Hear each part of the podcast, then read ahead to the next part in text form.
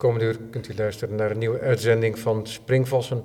Tegenover mij Sander Breuren en Witte van Hulzen, een duo dat al geruime tijd samenwerkt en nu nog een tentoonstelling heeft bij Tegenbos van Vreden, Parts, Bits and Pieces te zien. Wees erbij tot en met de 27 oktober. Heren, fijn dat jullie me ontvangen in jullie prachtige atelier. Vijfde stokwerk, zoals de Duitser dat zegt, ehm, met vrij zicht op de hemel. Het is ooit gebruikt door een eh, beeldhouwer voor jullie. Jullie maken ook beelden, maar jullie maken ook performances. Wat maken jullie al meer? Want ik heb ook tekeningen gezien op de website. Wat zijn de gebieden waar jullie zo al bewegen? Performance is denk ik wel de, de belangrijkste lijn en ook hoe onze samenwerking begonnen is. We zijn begonnen met het maken van uh, dansvoorstellingen in het theater. En daar zijn we ook video gaan werken, werken gaan maken door het filmen van de performances die we maakten.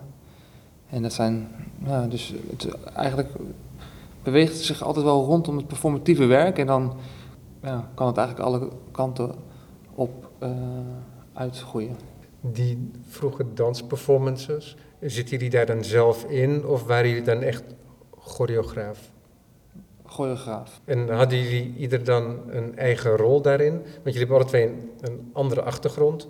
En je hebt witte, jij hebt echt de klassieke beeldende kunst achtergrond. Ja. En jij, Sander, bent ook componist. Uh, ja, dat klopt. Nou, dus, toen we die eerste uh, dansvoorstelling maakten, toen was het van, eigenlijk vanaf het begin wel eerst het idee van dat ik de muziek zou maken. Witte vroeg mij van, ja, ik, Witte was bezig met onderzoek naar, eigenlijk van, van hij maakte wel, Witte maakte eerst performances ook echt meer in de aantal als echt als beeldend kunstenaar, zo van met zichzelf als performer en ja, ook met het zo van de lichaam van de kunstenaar dat ergens dan centraal wordt en dan waar een actie mee wordt gedaan of zo die school van performancekunst. En eigenlijk was Witte toen bezig met van ja, uh, en theater was uh, altijd ook al wel belangrijk voor ons en we hadden ook vrienden van die, Witte en ook Vie, waar we nu nog steeds mee werken, die studeerde ook in Arnhem en had eigenlijk zoiets van ja, die performance werken of het idee van performance is eigenlijk ook dans en is ook theater. En laten we kijken van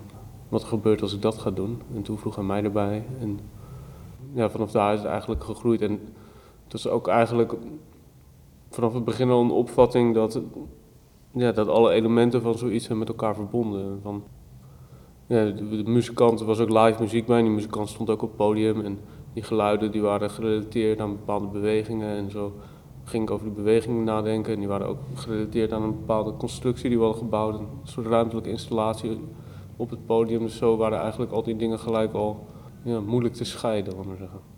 De, in, de, de interactie van de dingen en de geluiden en de bewegingen. Ja. Ik kan me ook voorstellen dat dat een componist al aanspreekt. Maar het is niet zo vanzelfsprekend om iemand te vinden met wie je goed intensief kunt samenwerken. En jullie werken een kleine tien jaar samen. Die tien jaar hebben jullie niet lopen lummelen. Jullie hebben een drukke praktijk. Was dat heel vanzelfsprekend? Vanaf het begin al ging dat uh, heel goed? Nou, het was nooit een doel om een kunstenaarsduo te worden. Zoals Sander vertelde, het begon met die dansvoorstellingen en toen kregen we ideeën voor nieuwe projecten en zijn we uh, een half jaar lang, of een jaar lang eigenlijk, met een fanfare in Velp gaan samenwerken. En hebben met hun een, een, relatie opgebouwd en zijn wij wekelijks naar hun repetities gegaan. En hebben wij een stuk voor hun geschreven uiteindelijk. En daarna hebben we ook een, een drie maanden lange roadtrip door Oeganda gemaakt. Waarbij we een soort videoperformances deden, wat uiteindelijk een, video-installatie is geworden. En dus eigenlijk meer uit het enthousiasme en ideeën voor het volgende bleven we doorwerken. En op een gegeven moment uh, groeit dat uit tot dat je echt een vast duo wordt. Maar dat was nooit een doel van tevoren. En is dat heel langzaam zo tot stand gekomen met af en toe een samenwerking? Of was er wel al na die eerste keer een klik? Zo van nou, hier zit meer in. Na die eerste keer was het eigenlijk wel gelijk redelijk fulltime. we deden wel wat los, wat was tijdens de studie? Sander in Den Haag en ik in eh, Arnhem. Dus we bespraken ook onze werken, zowel met componisten als met choreografen als met beeldkunstenaars. En dat voelde allemaal heel logisch. Dat was nooit echt een, iets, een issue waar we heel bewust mee bezig waren of zo. En ja, eigenlijk wel vanaf het begin uh, nam het wel onze agenda volledig in beslag, de samenwerking. Natuurlijk heb je wel allebei je eigen onderzoek en uh, uh, verdieping waar je de samenwerking mee voert, maar... Nou, misschien is het voor, voor de beeldvorming of hè, van, over die vraag van ja, hoe die samenwerking ontstaat, is misschien ook wel goed om te weten dat wij ook familie zijn van elkaar. Dus dat maakt de logica van elkaar spreken en ontmoeten en ook weer anders dan als je elkaar. Want jullie zagen elkaar in familieverband ook wel uh, met enige regelmaat. Uh, nou ja, soms. We zijn neven, laat maar zeggen. En, ja. Een paar keer per jaar in familieverband, zeg maar. Met kerst en Pasen en het familieweekend en dat. Maar los daarvan hadden wij ook in onze puberteit al interesse in punks en in bandjes en kraakpanden. En trokken we al wel samen op, ook al woonden we niet in dezelfde stad. Dus er was al wel een vriendschap, zeg maar, ook los van dat we familie waren. En dus ik denk dat daardoor heb je ook een ja, ander soort vertrouwensband dan dat je hebt met iemand die je uh, puur door uh, artistieke samenwerking leert kennen, bijvoorbeeld. En hebben jullie nou het gevoel dat toen die samenwerking begon, dat jullie alle twee op een nieuw spoor terechtkwamen? Of liepen de sporen gewoon samen? Nee, wel nieuwe sporen, denk ik. Voor mij was ook die, die compositiewereld en over dingen nadenken met een wiskundig patroon. En dat, dat werd wel enorm uh, veel groter, mijn bewustzijn daarvan. En, uh, ja. Maar we, hadden wel allebei uh, voor de samenwerking ook wel echt een interesse in theater, allebei. Sanders muziekstukken die hij op het begin op de compositie ook maakte, waar ik, ik wel eens naar ging kijken. Die hadden ook wel theatrale elementen al in zich. Ik me herinner iets met poppen zelfs op een gegeven moment, die dan onthoofd werden en die hoofd het publiek invlogen. En ja, ik was ook wel met muziek bezig. Ik, ik heb een band gespeeld waar wij onze, zelf, onze, muziek maakten en ik heb zelf ook geacteerd. Dus ja, die, die, dat performance element was wel heel erg aanwezig. Ja, ik denk dat de, de, de interesse in het theatrale, dat dat wel de basis was van onze samenwerking. Ja. En hoe gaat dat dan? Uh, dat is dan een vraag die ik dan maar even aan jou stel, Sander. Het samen maken van iets. Hebben jullie een vaste rolverdeling in de loop van de tijd ontwikkeld? Oeh. Um, nee, dus niet echt. We doen niet heel erg zo van. Ja, kijk, praktische dingen die uh, verdeel je wel, laat maar zeggen. Maar dat is ook gewoon om tijd te besparen. En uh, weet je wel, die zegt van ja, uh, doe jij contact met deze of gene voor dit project? Of dat je probeert om een beetje daar efficiënt mee om te gaan. Maar ja, artistiek inhoudelijk is er geen hiërarchie of een ja. rolverdeling ook. Omdat als je met een werk bezig bent, ben je ook bezig met het definiëren van wat dat werk is. Dus ja. je kan ook, ja, de grenzen ervan zijn eigenlijk pas duidelijk als het af is, maar zeggen. Ik zal mijn vraag wat duidelijker stellen. Ja. Als een kunstenaar alleen werkt, dan kan het zijn dat het een ongeformuleerde gedachte is waarmee hij aan het werk gaat. En dat kan aan het werk gaan, dat kan verschillende dingen betekenen. Dat er een schetsje wordt gemaakt, of dat er een plan wordt geschreven, misschien zelfs. Hè? Dat is een beetje afhankelijk van waar, welk gebied de kunstenaar opereert. Maar het hoeft niet al zo aanwezig te zijn dat het gedeeld kan worden. En als jij, dan kijk ik jou nog steeds aan, Sander, jij een idee krijgt en dat ga je dan delen met Witte. Dus dan moet moet er al iets geformuleerd worden. En ik weet dat ik er nu een soort laboratoriummodel van maak en dat het niet zo werkt. Omdat je aan het knutselen bent, je bent wat aan het klooien in, in, in de studio en je probeert wat dingen uit en er komt iets voort uit eerder werk al.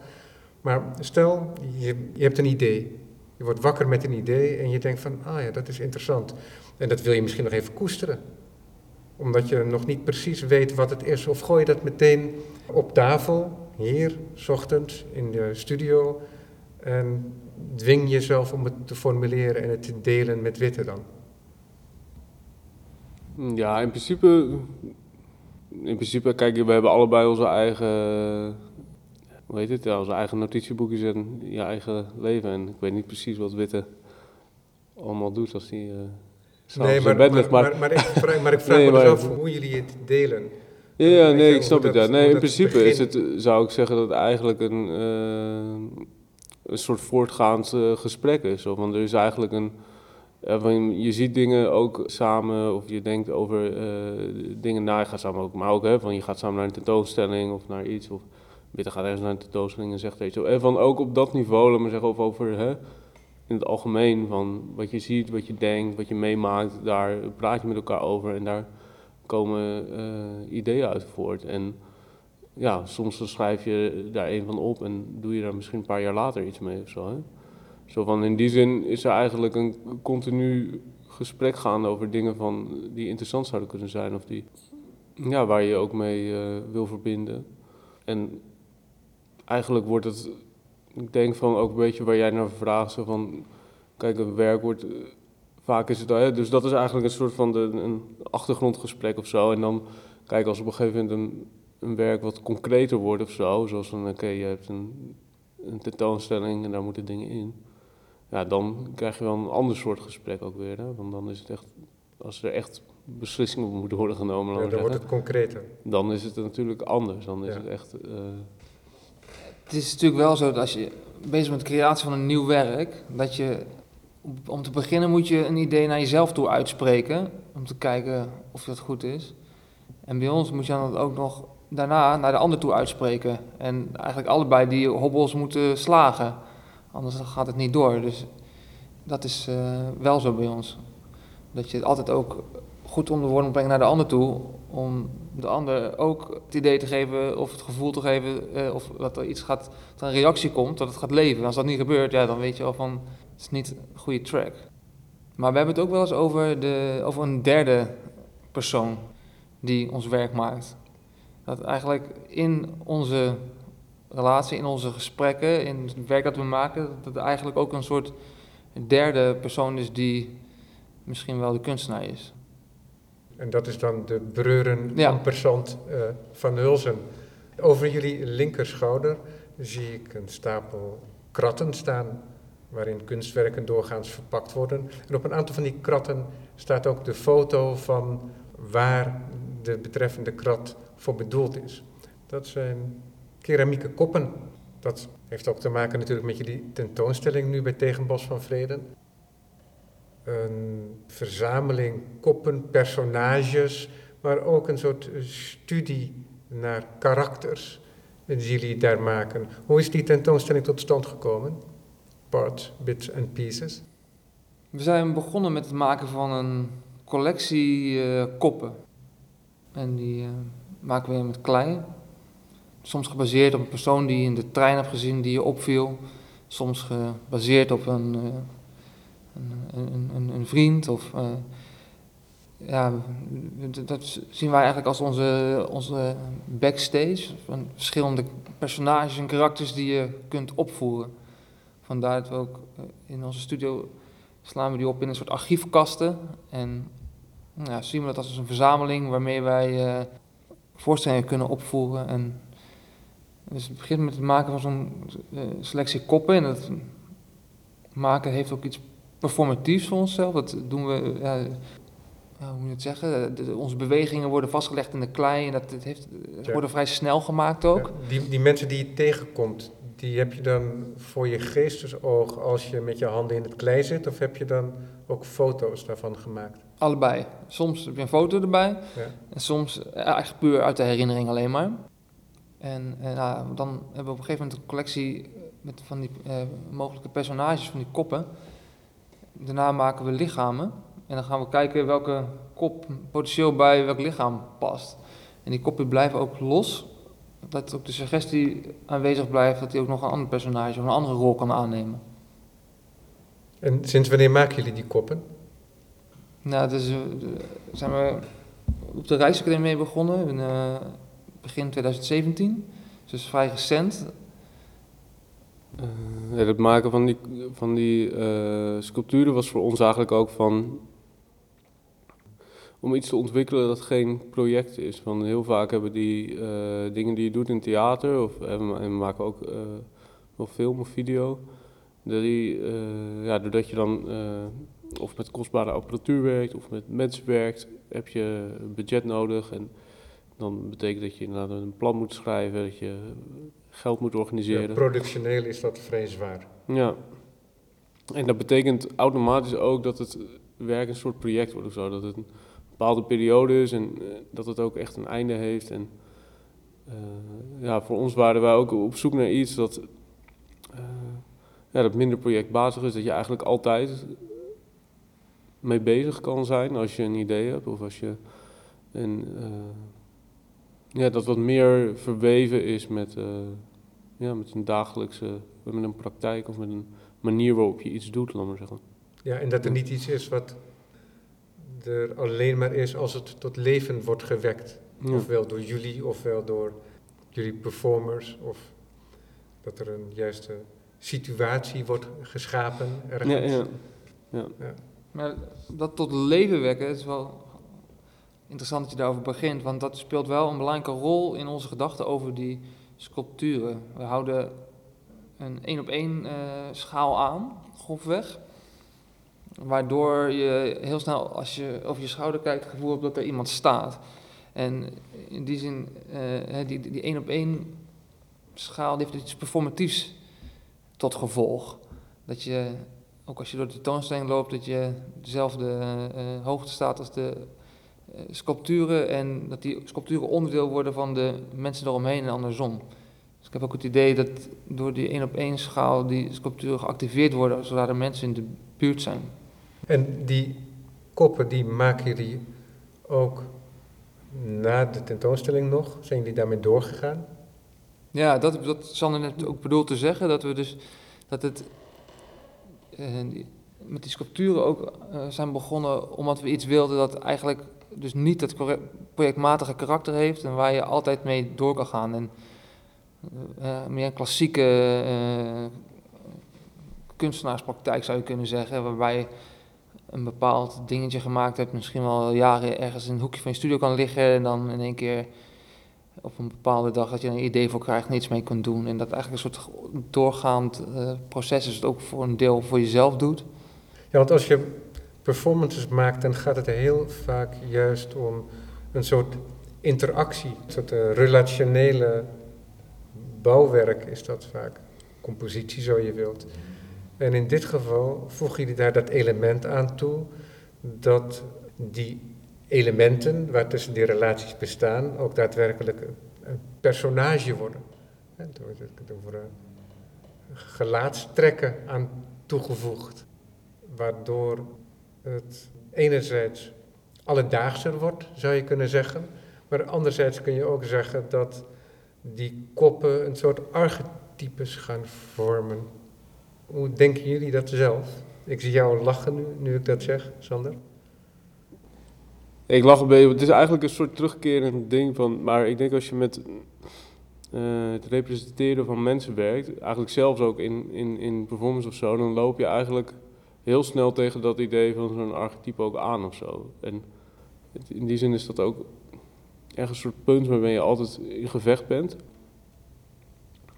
Ik bedoel, een archetypering ligt ook weer dicht bij een stereotypering. Of ligt ook weer ergens aan de ene kant... eh, Ja, als je zo je wilt, om het nog wat verder aan te zetten, weet je, waar ligt het verschil tussen een cartoonkop en een archetype? Ja, ja. Ja. ja. Ja, en eigenlijk is het ook iets waar je...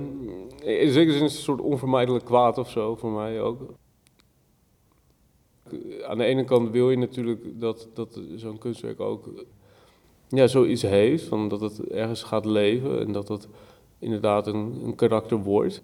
En ja, ik probeer wel altijd daar een manier in te vinden waarop het niet eh, een soort idee van iemand invult dat er al is of zo. Hè? Dus Ja. zo'n, ja, waarbij je tussen inderdaad een... Het mooie is als je sculpturen maakt of een tekening, dan kan je dus iemand helemaal blauw maken en niemand die daar raar van opkijkt. Dat wordt gewoon compleet geaccepteerd als ja, deze persoon is blauw en die andere is paars en deze is geel. En dat is helemaal geen eh, item verder dan, zeg maar.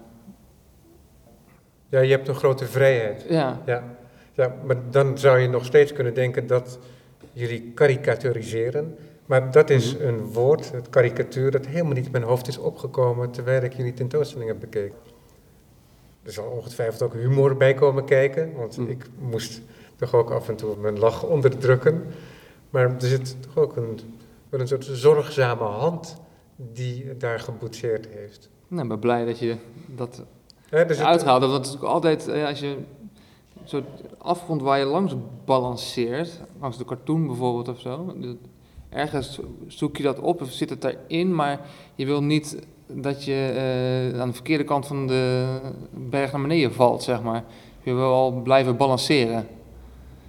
En eh, ja, dat, die balanceertruc, dat ja, is waar wij constant mee bezig zijn.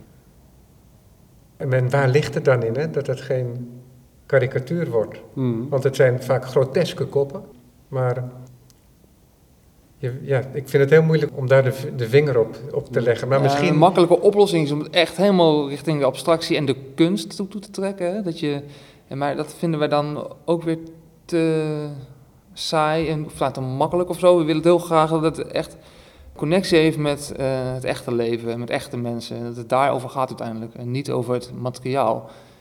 Ja, dan krijg je dus het probleem met die stereotypes en die archetypes. En nou, dat is denk ik toch een kwestie van je ook je intuïtie volgen. En als je met zo'n kop bezig bent, dat je stopt op het moment dat je ja, denkt dat, die, dat, dat er een bepaald leven in zit wat verder gaat dan een eenduidige blik. En maken jullie die beelden dan samen? Of is dat gewoon iets wat jullie af en toe doen? Dat je een homp klei pakt en dat je weer zo'n kop gaat doen? Of zijn dat sessies die jullie samen doen? Nou, het is ook eh, eigenlijk ook net als het. Ja, het is eigenlijk meer voortdurend gesprek ook met elkaar. Ja, er zijn wel periodes dat je meer werkt. En ja, zoals nu, we zijn bezig met het repeteren van een performance. En dan ga je niet opeens eh, allemaal materiaal uit de kast trekken of zo. Dus het is in die zin vaak wel meer een soort eh, een periode dat je daar wat meer mee bezig bent. Hebben Ja. die koppen, eh, die hebben voor jullie een bepaalde identiteit? Krijgen ze ook een naam mee?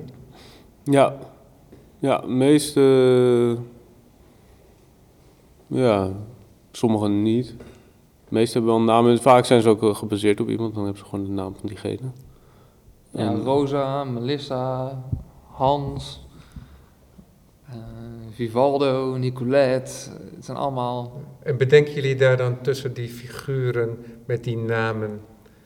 Ja, dat worden individuen op die manier. Hebben die dan ook een bepaalde positie in de familie die ze vormen? Van ik jullie denk archief? het wel, ja. De ene, het is net als met acteurs, die hebben een bepaalde, die zijn nooit helemaal de rol die ze spelen. Die zijn ook tegelijkertijd de persoon die ze zijn, met al hun eh, kwaliteiten en ideeën en kleuren en lichaam. En dat nemen ze allemaal mee die rol in. Dat is met is die sculpturen ook zo. Die hebben ja, een bepaalde eh, individuele kwaliteit, maar we kunnen ze ook op verschillende manieren inzetten in tentoonstellingen en in Maar draagt een kop een bepaalde identiteit mee die hij heeft meegekregen in de ene tentoonstelling en die dan getransporteerd wordt naar een andere? Of is dat veel modulairder? Nou, hij heeft een bepaalde kwaliteit van zichzelf door hoe die gemaakt is, door wat er fout is gegaan, door. eh, eh, en dat is dus de fysieke kwaliteit. Hè. Die kan misschien, de een kan misschien goed in een bewegende, want die staand is en die daar ga je nooit een zittende scène mee doen of zo. En tegelijkertijd, dus dat is meer die fysieke kant, identiteit. En aan de andere kant eh, is er ook een immateriële eh ding opgeladen wordt. Ze, eh, langzaam worden ze opgeladen met een geschiedenis. En daar kunnen wij ook een handje bij helpen natuurlijk, met wat voor Ja, ja, dus dat is een- avonturen dat- ze meemaken. Ja, dus in die zin ehm, bevinden ze zich wel in een soort uitgestrekt scenario. En dat scenario dat bestaat uit performances en tentoonstellingen die gemaakt zijn, maar ook aan datgene wat nog gaat komen. Ja. Nee, in principe dachten wij ook vanaf het begin ah, over die sculpturen na, eigenlijk als een performance.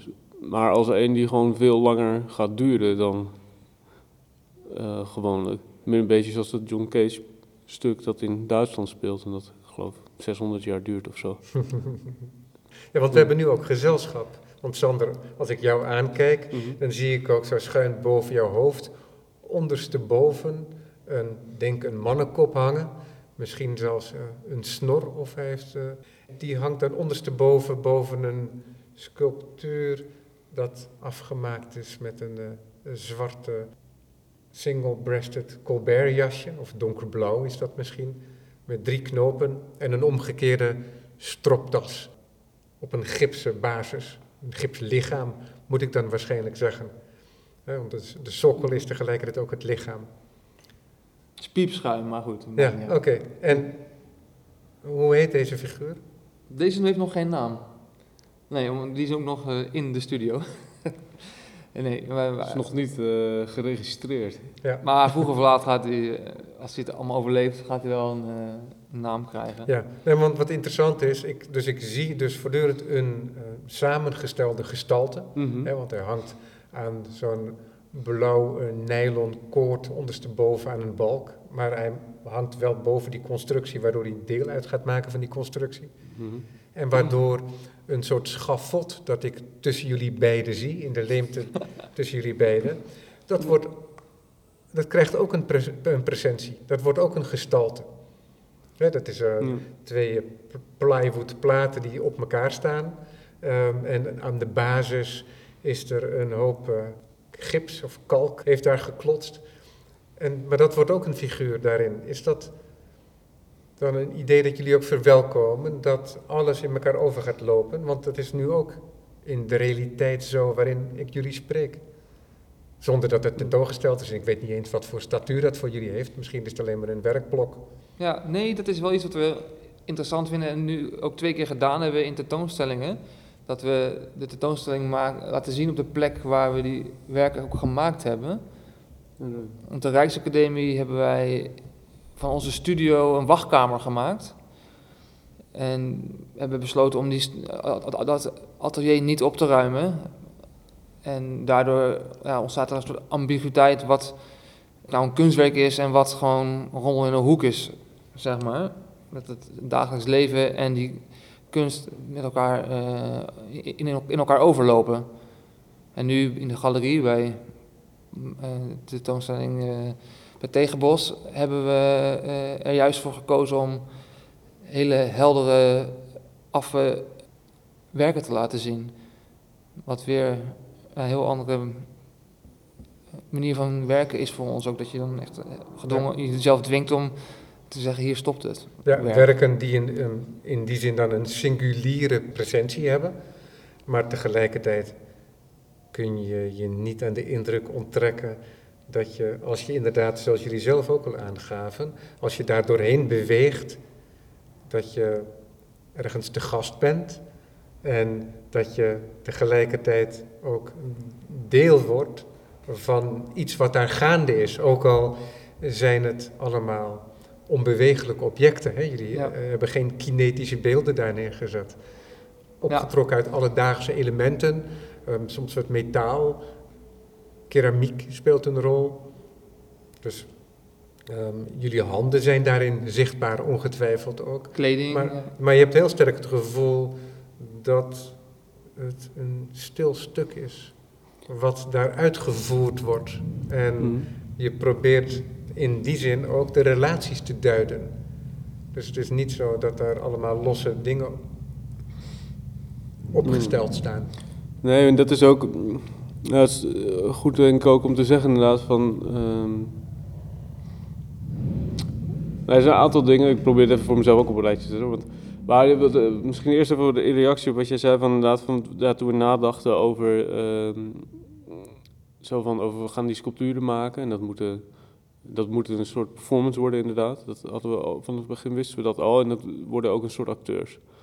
En ja, de- toen is natuurlijk ook het idee eh, de revue gepasseerd van nou oké, eh, inderdaad, van moet er niet een speaker in die, eh, in die sculptuur of moet inderdaad niet eh, kop bewegen of Ja, moet nou er ja, niet iets geactiveerd worden? hè, als je dan wil dat dat ding gaat spreken of en toen dachten wij van nee, dat is juist laten we het gewoon toen hebben we gezegd van oké, dat kan allemaal, dat weten we ook, maar laten we kijken of we dat inderdaad ook te kunnen, ja, kunnen maken zonder dat het ook echt zo is, laat maar zeggen. Dat, het allemaal, dat je eigenlijk in het dode materiaal gaat proberen te kijken of dat ook echt kan performen. Ja, en dat het geen Luna Park wordt.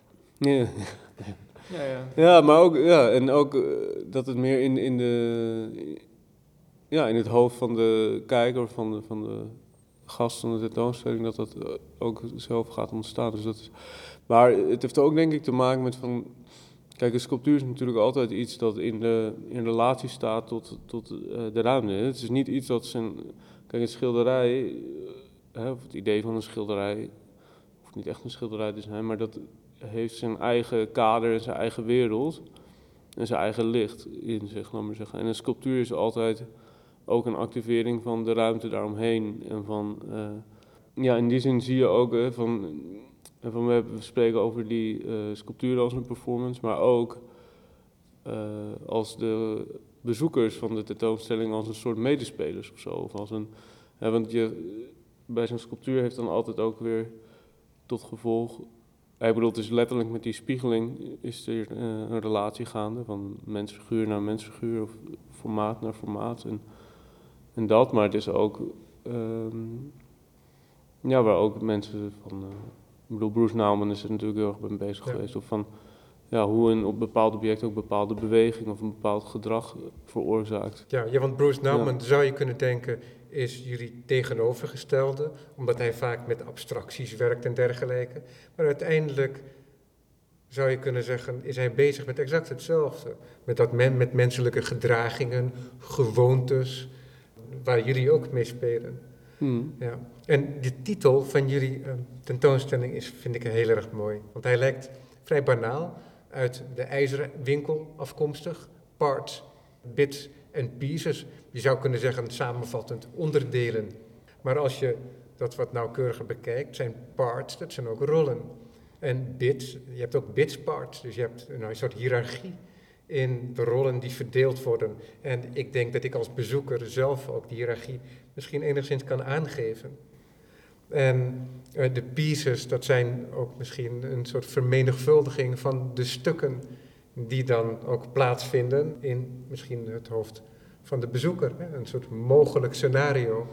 Maar tegelijkertijd is het ook zo dat het inderdaad een verzameling is van losse delen die jullie zo gevoegd hebben dat ze ergens pakken en dat ze een vorm uh, krijgen. Maar jullie laten ook zien dat het samengestelden zijn. Dus het is niet onvervreemdbaar zo. Ja, dat was inderdaad eigenlijk ook iets wat ik nog op in wilde gaan. Uh, toen je over die sculptuur achter me hebben begonnen over van, ja, van dat idee van die constructie is voor ons belangrijk. Het heeft ook te maken met wat Witte eerder zei over dat die hoofden, die zijn vaak los. Ook met het idee dat dat uh, een soort maskers zijn. Of dat je ook ergens zou kunnen voorstellen dat, het, dat diegene een ander masker zou opzetten. Of dat. Maar ook het idee van die lichamen als een constructie of als een... Ja, we kwamen daar ook eh, ergens voor die tentoonstelling nu ook bij inderdaad. Van dat die, ja, de manier waarop mensen hun identiteit of hun een idee over van wat jouw persoonlijkheid is, is ook een, een constructie die je deels zelf in elkaar uh, zet en deels afhankelijk is van ook weer een groter cultureel systeem, wat natuurlijk ook uiteindelijk niet een, uh, een natuurlijk gegeven is. Ja, in die zin word je ook aangesproken, denk ik, door de tentoonstelling, omdat je toetreedt tot een soort menselijke komedie. Dus dat die flikkering tussen een soort, dat een beeld een persoonlijkheid is, of een kop een persoonlijkheid is, maar tegelijkertijd ook een masker, het meest onpersoonlijke eigenlijk wat je kunt bedenken. Want toch een soort camouflage van de daadwerkelijke identiteit. Ja. Schreef jullie dan bijvoorbeeld bij zo'n tentoonstelling, schreef jullie daar voor jezelf ook een soort scenario bij? Ja. Dat, dat doen we wel, ja. Maar dat scenario verandert ook. Want tijdens het opbouwen kan er een, een hoofd kapot vallen bijvoorbeeld. We hadden een hoofd van Arnold Groenberg gemaakt. En dat heeft zelfmoord gepleegd. dat is hier in honderd stuk uit elkaar gevallen. En bijna hadden we het in de tentoonstelling gezet, dat past mooi bij de titel. Maar eh, ja, dus dat, dat script wordt wel aangepast gaande het proces. En ook het maken van de sculpturen is ook een soort performance van ons uit. Dat het in de zin dat het heel fysiek is en zware materialen waar je mee sleept, waardoor... En jullie hebben te maken met ovens die jullie zelf niet hebben hier. Ja, dus het is een je bepaald deel dat je niet in de, in de hand hebt. En wij werken niet echt zo van... we hebben- Het wel meer een grote beweging, een ja, periode van ja, performen vanuit ons, waaruit van alles nog wat voortkomt. En eh, pas later blijkt wat nou echt werken worden en wat niet. Het is niet dat we zo heel geconcentreerd met één kop bezig zijn. We maken er echt gewoon 50 tegelijk of zo. En dan later ja, gaat er één, een, krijgt een hoofdrol en de ander die blijft in de kast staan. Ja, want er zit ook een element in eh, van, je zou het achterloosheid kunnen noemen. Met hoe jullie beelden in elkaar eh, steken. Hè? En, eh, alsof het provisoir is. Maar tegelijkertijd heet het een beeld. En een beeld, dat is, het woord op zich al, is al monumentaal. Hè? Ja. Eh, Het is een onbewegelijk woord. Ja, Dat maar- staat als een vierkant. Ja, nee, maar wij maken ook natuurlijk beelden van ja, mensen om ons heen, van mensen die we toevallig op straat zien. En ja, mensen zijn niet monumentaal, mensen zijn gebroken, mensen bestaan uit verschillende geschiedenissen en hebben, ja, zijn, zijn gefragmenteerd ook ergens. En dus in die zin vind ik dat onze sculpturen daar eh, eh, recht aan moeten doen. Ja. Je hebt het nu, verwijs je naar je omgeving, je verwijst naar een ruimere omgeving van de mensen die je zo in de publieke ruimte kunt ontmoeten. Maar hoe zitten jullie daar zelf in? Want eh, nu lijkt het net alsof jullie als een soort socioloog de maatschappij bekijken. Maar eh, die maatschappij, dat ben jij ook, hè, die, eh, die term, eh, die is ook op jullie van toepassing natuurlijk. Ja. Kijk, wij zijn nooit, eh, dat heeft ook met die samenwerking te maken, van wij zijn geen eh, hebben niet zoveel interesse in de autobiografie, laat maar zeggen. Ja. En ehm, En misschien even ook niet in biografie. Want de biografie hoeft geen rol te spelen in een soort maatschappelijke interactie, nee. per se. Mm. nee, ja, dat weet ik. Ja, ik, weet niet, ik vind het ergens wel. Ik weet ik hou heel erg bijvoorbeeld. Laat ik mijn vraag ja. anders stellen. Mhm. Vullen jullie je beelden met biografie? Of het nou auto is of niet? Zo ja. Ja, het- voor mij, ja, vind, ik vind het, eh, het is nog, ook nog iets dat ik, ik vind het zelf wel, vaak wel, en zeker als het ook echt op een daadwerkelijk iemand is die ik beter ken, vind ik dat voor mezelf belangrijk om, ja, ergens die biografie of die levensloop van iemand is voor mij wel onderdeel van wat er om dat werk heen is. Dat En- maakt jullie werk concreter. ja, en dit is niet iets dat iedereen per se hoeft te weten. En het is ook iets waarvan ik me ook wel weer... Ja, in sommige gevallen kan ik je me bijna voorstellen dat je op termijn een, eh, in een publicatie of in... eh, maar misschien zelfs wel over een bepaalde sculptuur op een gegeven moment een film gaat maken. En dat waarin in zekere zin die biografie van die persoon dan ook een rol speelt bijvoorbeeld. Of een, een uitgangspunt kan zijn. En het is niet iets... Nee, ik vind het idee van een, een levensloop of zo, laat maar zeggen, vind ik al een, ja, heel, is, voor het is heel essentieel, maar het is meer dat, het autobiografische van een kunstenaar, laat maar zeggen, dat, en het idee dat, dat die, kijk, ergens is natuurlijk is, is de praktijk iets dat verweven is met ons leven en met, ja, ook wie wij zijn en dat geeft ook bepaalde grenzen aan dat werk en dat is ook logisch. En alleen al het feit dat we Nederlands zijn en in deze tijd leven. En, eh, dat eh, geeft een bepaalde grens aan wat het werk ook kan betekenen of gaat betekenen en wat het is. Maar ja, met het hele autobiografisch duiden van werk, of wat eigenlijk zo in mijn hoofd een beetje begonnen is met, laten we zeggen, periode van Gogh of zo. Dat het echt eh, ook een manier wordt om ja, de betekenis van die beelden te begrijpen. Dat, dat proberen wij, ja, wij zien dat wel anders. Dat is, voor ons, wat eigenlijk Witte eerder over had, van die derde persoon. Of die, die, die wij samen, of die onze, bestaat uit onze verhouding of zo. Ja, dat is eigenlijk meer. eh, Ik stelde Ja. de vraag ook een beetje Mhm. op die manier, maar ik, ik, waar ik aan dacht is het volgende. Is als je al die koppen maakt en als je met al die mensen bezig bent, dan kan het niet anders dan dat je jezelf, dat je zelf erbij betrokken bent. Dat je ook enigszins aan jezelf boetseert op een bepaalde manier. Je ziet jezelf hmm. toch in de ander, al is het maar als spiegelbeeld of Ja. als, als iets Ja. volledig anders misschien. En eh, dus in die zin is het een menselijke komedie. Hè, waar je, je zit ook met je vingers aan je eigen kop te kneden. Van mij part aan de kop van je broer of je moeder. Hè, maar dat speelt daar toch ook wel een rol in. Het gaat jou ook direct aan. Voor mij ligt een boekje. Wat Engels rood is, zou ik eh, misschien kunnen zeggen. Misschien is het ietsje bruiner. Daarop één verticale lijn en rechts van die verticale lijn bovenaan één familieportret. En dat is een boekje van Sander Breuren en Witte van Hulsen. Heren, wat is dit? Dat is eh, het script van eh, een performance die wij gemaakt hebben in 2014. En daarbij hebben wij geprobeerd om een gemiddeld Nederlands gezin eh, te vinden en te portretteren. En we zijn het gaan zoeken naar aanleiding van een aantal statistieken die wij hebben opgezocht.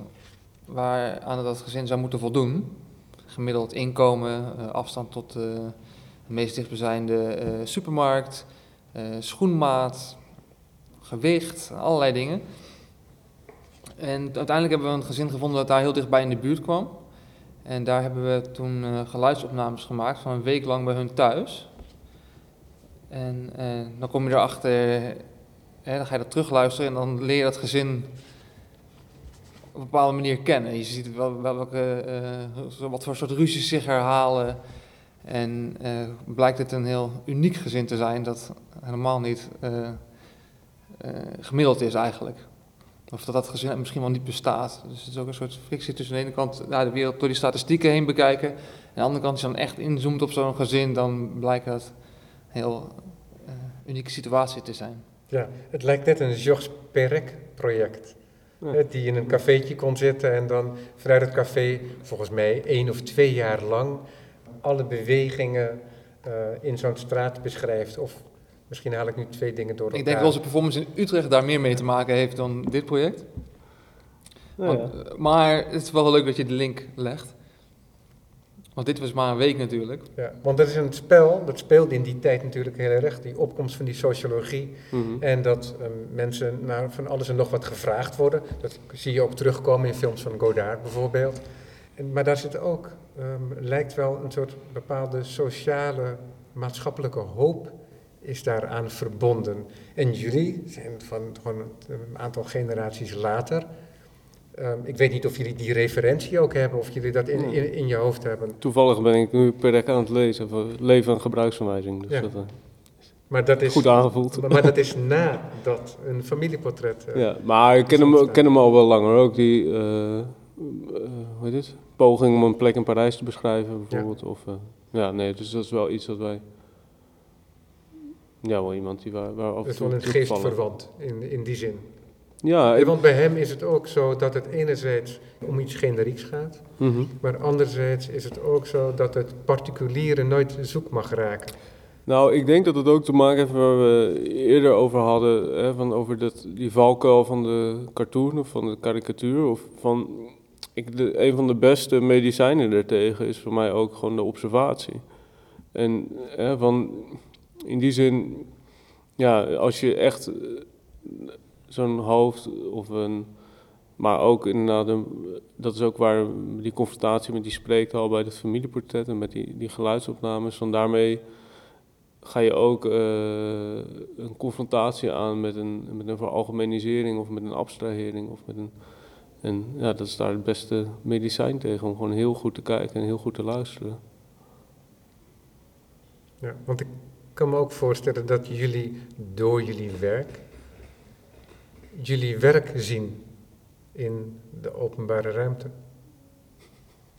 Dus ik kan me voorstellen dat als jullie samen, weet ik veel, naar, een, naar, een, naar de markt gaan.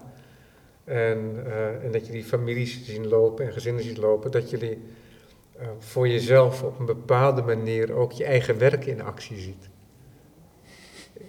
Jullie moeten daarom lachen, dus, maar is, misschien is dat helemaal niet waar.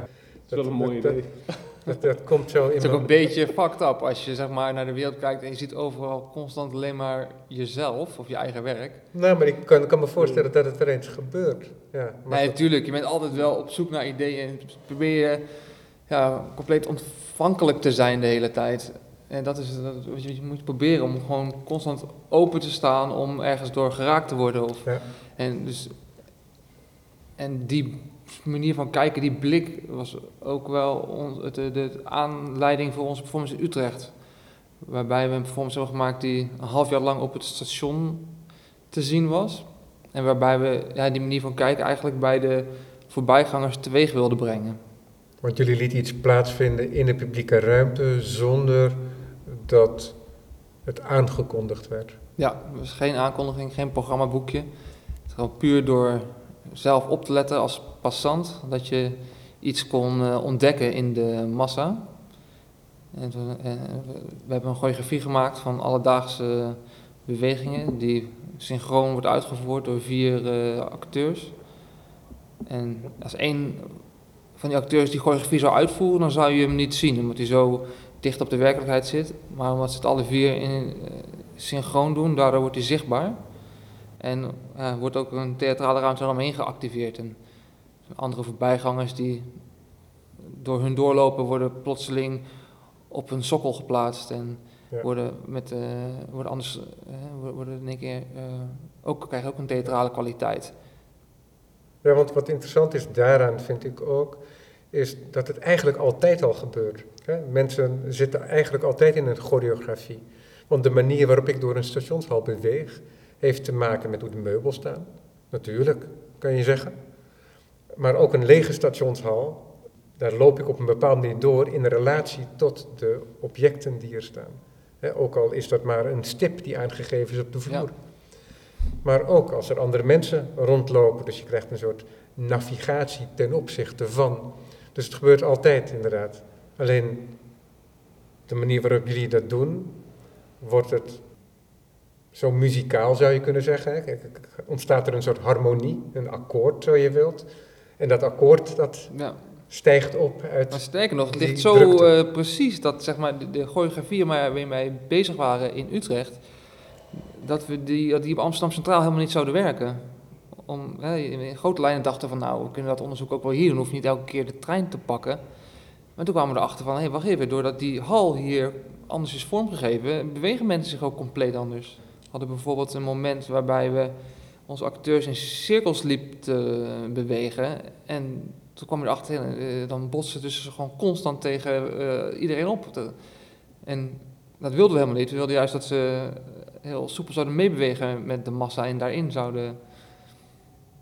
Dus toen hebben we daar diagonalen van gemaakt en toen ble- bleek het wel te werken. Dus ja, het ligt... eh, is inderdaad waar wat je zegt, dat die omgeving of één stip op de grond al een heel eh, andere beweging tot gevolg kan hebben. Dat eh, boekje wat voor me ligt, dat is een script. Dat is een transcriptie, maar geen pure transcriptie. Er is ook een montage heeft daar plaatsgevonden. Want ik denk dat een gezin meer woorden gebruikt in een week dan hier is Ja, weergegeven. we volgen de, de, de, de- het verloop van een dag. Dus het begint, het gezin wordt wakker 's ochtends en s'avonds gaan ze weer naar bed. Ja, op die manier, ja. En dan wordt er af en toe in de tijd gesneden. Want het stuk duurt eh, een uur, geloof ik. En en dus wordt af en toe in de, tijd gesneden. Maar we hebben wel de, de gesprekken altijd eh, grote delen eh, intact gelaten. Dus hè, zowel de, de ochtend uit de ene dag en de avond uit een andere dag. Maar nooit dan de, eh, die momenten zelf dan echt per zin gaan versnijden of zo. Ja, want wat hier voor de microfoon nog niet gezegd is, denk ik, is dat dat dan vervolgens opgevoerd is door acteurs. Met elke e en a getranscribeerd en vervolgens weer uitgesproken. Ja, dat is echt de spreektaal die eh, opgeschreven is. En daarmee is het ook een, ja, een, een tijdsbeeld. De hoeveelheid Engelse woorden die gebruikt worden. En ja, hoe, hoe spreken wij nu met elkaar? En kijk je daar in één keer met afstand naar en word je daar bewust van. Maar ook ga je achter die taal die mensen voorstellen. Doordat die niet zelf aanwezig zijn, maar ja, die worden opgeroepen door hun woorden. Ja, ja. En jullie hebben ook de Charlotte Keulerprijs toebedeeld gekregen. Ja, daar zit ook een tentoonstelling aan vast altijd, toch? Eh, nee hoor. Ah, dat dacht ik. Dat is niet zo. Nee, dat is niet zo. Nee, het is een, uh, een, een, uh, een, een, uitreikingsmoment was er in het Compagnietheater. En er zit een geldbedrag aan vast. Dat is prettig. Zeker. En um, reizen jullie ook samen? Of hebben jullie een volledig, echt een, meer een gescheiden leven? Wat bedoel je met reizen? Nou ja, niet dat je dan voor een performance naar het buitenland gaat, maar gaan jullie ook samen op vakantie bijvoorbeeld zo. Ik vraag me af hoe, die, hoe dat, dat leven en die praktijk, hoe zich dat uh, Nou, met verhoudt. kerst zitten wij natuurlijk samen aan tafel. Met de uh, familie. Vaak, ja. Ja. Ja, en vaak Ja. ook wel, ik bedoel niet, eh, we gaan niet elke vakantie samen en we ook wel allebei een andere vriendin, bijvoorbeeld. Nee, af en toe is het wel lekker om ook over, natuurlijk even je hoofd leeg te maken en eh, even los van elkaar iets te doen. Ja. Maar nee, nog steeds gaan we zelf wel, gaan we nog steeds wel samen op tripjes en zo. En nou, nu zijn we zo druk dat we bijna eh, dat we maar Ja. één week vakantie in het afgelopen jaar hebben gehad of zo. En dan, toen hebben we dat allebei echt even apart gedaan en eh, echt tot rust gekomen. Maar we, in andere rustige periodes gaan we ook wel eh, samen op reis en dingen zien natuurlijk. Ja. Dus, ja. Ja. Er zit een zekere luchtigheid in jullie werk. Wat ik eerder ken schets als achterloosheid. Mhm. En die mensen moeten zich maar niet te veel aantrekken van die termen, weet je, want ik wil niks vastleggen daarmee, maar ik wil er iets mee aangeven. Is dat iets wat vanzelfsprekend komt, of is dat een soort sprezzatura? Is dat iets wat jullie creëren in het maken? Dat jullie echt zoeken naar, eh, naar die lichtheid ook.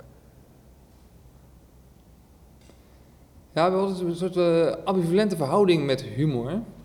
We, ik weet niet of het over humor gaat. Dat denk Nee. ik niet, toch? Nee, nee, je nee. bedoelt meer van nee. zoals hoe die piepschuimblokken op elkaar staan en een hoofd zo Ja, op. En kijk, dat is dan het is zo. Ja, ja. Nee, maar kijk, er zit, er zit een humoristisch element aan in die zin dat het, ehm, hè, zonder dat het clownesk wordt, al mag dat bij tijd en wijle misschien ook wel, dat in gekke combinaties, het is heel luchtig, het is net ook Mm. soms als het de verkleedkast wordt opengetrokken op zolder. Ja. Oh, zo. Eh, Ja, ja, dus, ja. eh, maar er zit een soort gemak in. Hè? Ook, ehm, dit beeld is niet af dan, maar het zou zomaar wel af kunnen zijn. Hmm. En dan, dat jasje is niet gevuld, de schouders die hangen, en die hangende schouders zijn enorm expressief. Nee, ik heb dat nog Hmm. steeds over dit beeld dan wat achter jou eh, staat. Sander. Dus de, en soms is een aanduiding al voldoende, maar dat maakt ook dat het eh, ook gelezen kan worden als iets wat zomaar toevallig ehm en passant vorm heeft gekregen. Maar Ja. tegelijkertijd wordt er voor gekozen. Jullie hebben een tentoonstelling gemaakt. Er zijn allerlei Mhm. afwegingen aan vooraf gegaan. En je zou heel gemakkelijk eh, dingen door kunnen werken. En daarin verder gaan. Maar jullie halen. En misschien gaat daar wel heel veel overpeinzingen aan vooraf. Misschien komt dat wel heel snel tot stand. Heel gemakkelijk. Eentje die legt zijn hand eraan, de ander staat op een afstandje en zegt van nee, zo is het goed. Ik denk dat het ook heel goed is als je zelf er iets nog van kan maken als eh, eh, bezoeker van een tentoonstelling, zeg maar. Als je te hard gaat proberen om alles eh, af te maken en betekenis te geven, dan kan je het ook dood maken, denk ik. Dan wordt het...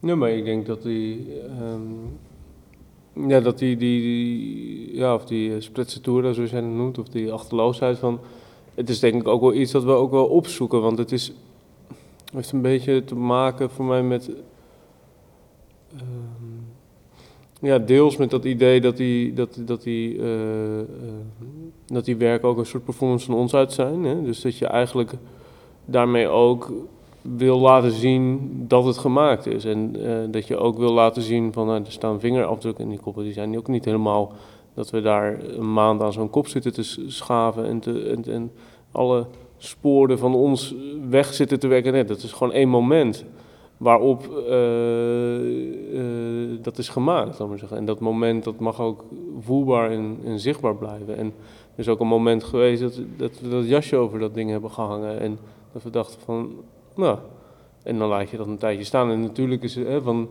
maar dat is wel iets in die zin wat, je ook, wat we ook wel opzoeken. Wat we ook wel, eh, ja, ik denk in die zin, ja, wat je wel, de, de constructie ook daarmee, hè, dat is ook het gevolg ervan of zo, maar dat de constructie ook zichtbaar is. Ja, En dat het ook, ja, zowel het materiaal als de, eh, hoe noem je het, de suggestie of de, de afbeelding, laat maar zeggen. Of het afgebeelde en afbeelding daarmee ook samenvallen. Of, Ja. of, eh, ja. werken jullie snel?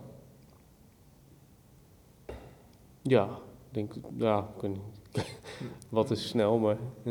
Nee, maar hebben Soms jullie... duurt het heel lang tot, voordat we beginnen of zo. Ja, Dan eh, hebben we wel de neiging om heel lang eh, door te praten. En, eh, maar als we dan eenmaal begonnen zijn, dan, ja, dan gaan we wel snel. Dit uur is ook weer afgelopen. Dat gaat ook heel snel. In plaats van de Springvossen slotmuziek, een stuk van Thelonious Monk, kunnen mensen luisteren naar een fragment van hun familieportret. Heren, hartelijk dank.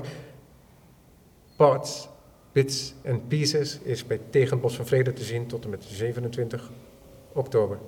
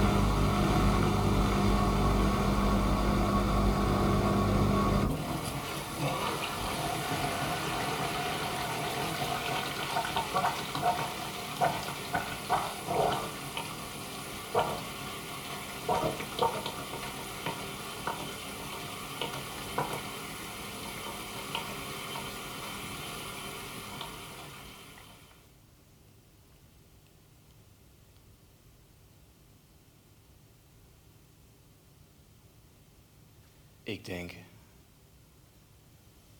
wat hoor ik nou? Dan was jij het. Hé, hey, dan ga je je even aankleden? Hé, hey, waarom zit je nou op de bank? Omdat ik boos ben. Maar waarom ben je boos?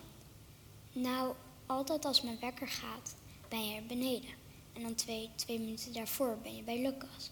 En dan ga je meteen weer naar beneden. En dat vind ik gewoon heel vervelend. Ja, maar papa... Papa moet ook heel veel dingen doen. Papa moet de vaatwasser leegruimen. Papa moet tussendoortje voor jullie maken. Papa moet nog brood voor jullie Ja, maar- maken. Dat kan toch niet allemaal tegelijk? Ik, je kan dan toch twee minuten later dan je normaal komt even daar of drie minuten later komen. Want altijd dan kom je om 18 over of zo, 17 over. En dan heet het om drie wil Lucas het licht aan. En dan doe jij het licht aan op de overloop en loop je meteen weer naar beneden. Nee, want ik ben ook op jouw kamer geweest en ik heb je ook een kus gegeven. En ik heb jouw kleren klaar, jouw onderbroek en je, je eh, hemd klaargelegd en je sokken. Ik heb bij jou hetzelfde gedaan als bij Lucas, alleen ik heb bij jou het licht niet aangedaan. Omdat je niet zo goed tegen het licht kan als ik dat aandoe. Net? Ja? Hoe laat, hoe laat kwam je? Ik ben eerst naar eh, jouw kamer gegaan en toen naar Lucas' kamer. Dus, nou, ga je even zelf naar boven aankleden? In ieder geval, dan, dan kom je gewoon twee minuten later dan mijn wekker gaat. Hm? Dan kom je gewoon twee minuten later dan mijn wekker gaat. Ja, maar ik kan het ook niet precies uitmikken, Lisette. En ik weet ook niet hoe laat jouw wekker staat. Om tien voor half. Ja, maar ik weet niet... Als net eh, jouw wekker twee minuten voorloopt op mijn eh, wekker... Nee, hij, dan kom ik twee minuten te laat. En andersom ook, dan kom ik twee minuten te vroeg. Maar die van mij. Ik kom in ieder geval wel zo rond die tijd. Nee, maar mijn eigen wekker die loopt een half minuut voor of een half minuut achter of zo. Nou, ga hem even snel opschieten, anders komen we weer te laat. Wil je eens tussendoortje trouwens? Hm? Maakt niet uit. Maakt niet uit.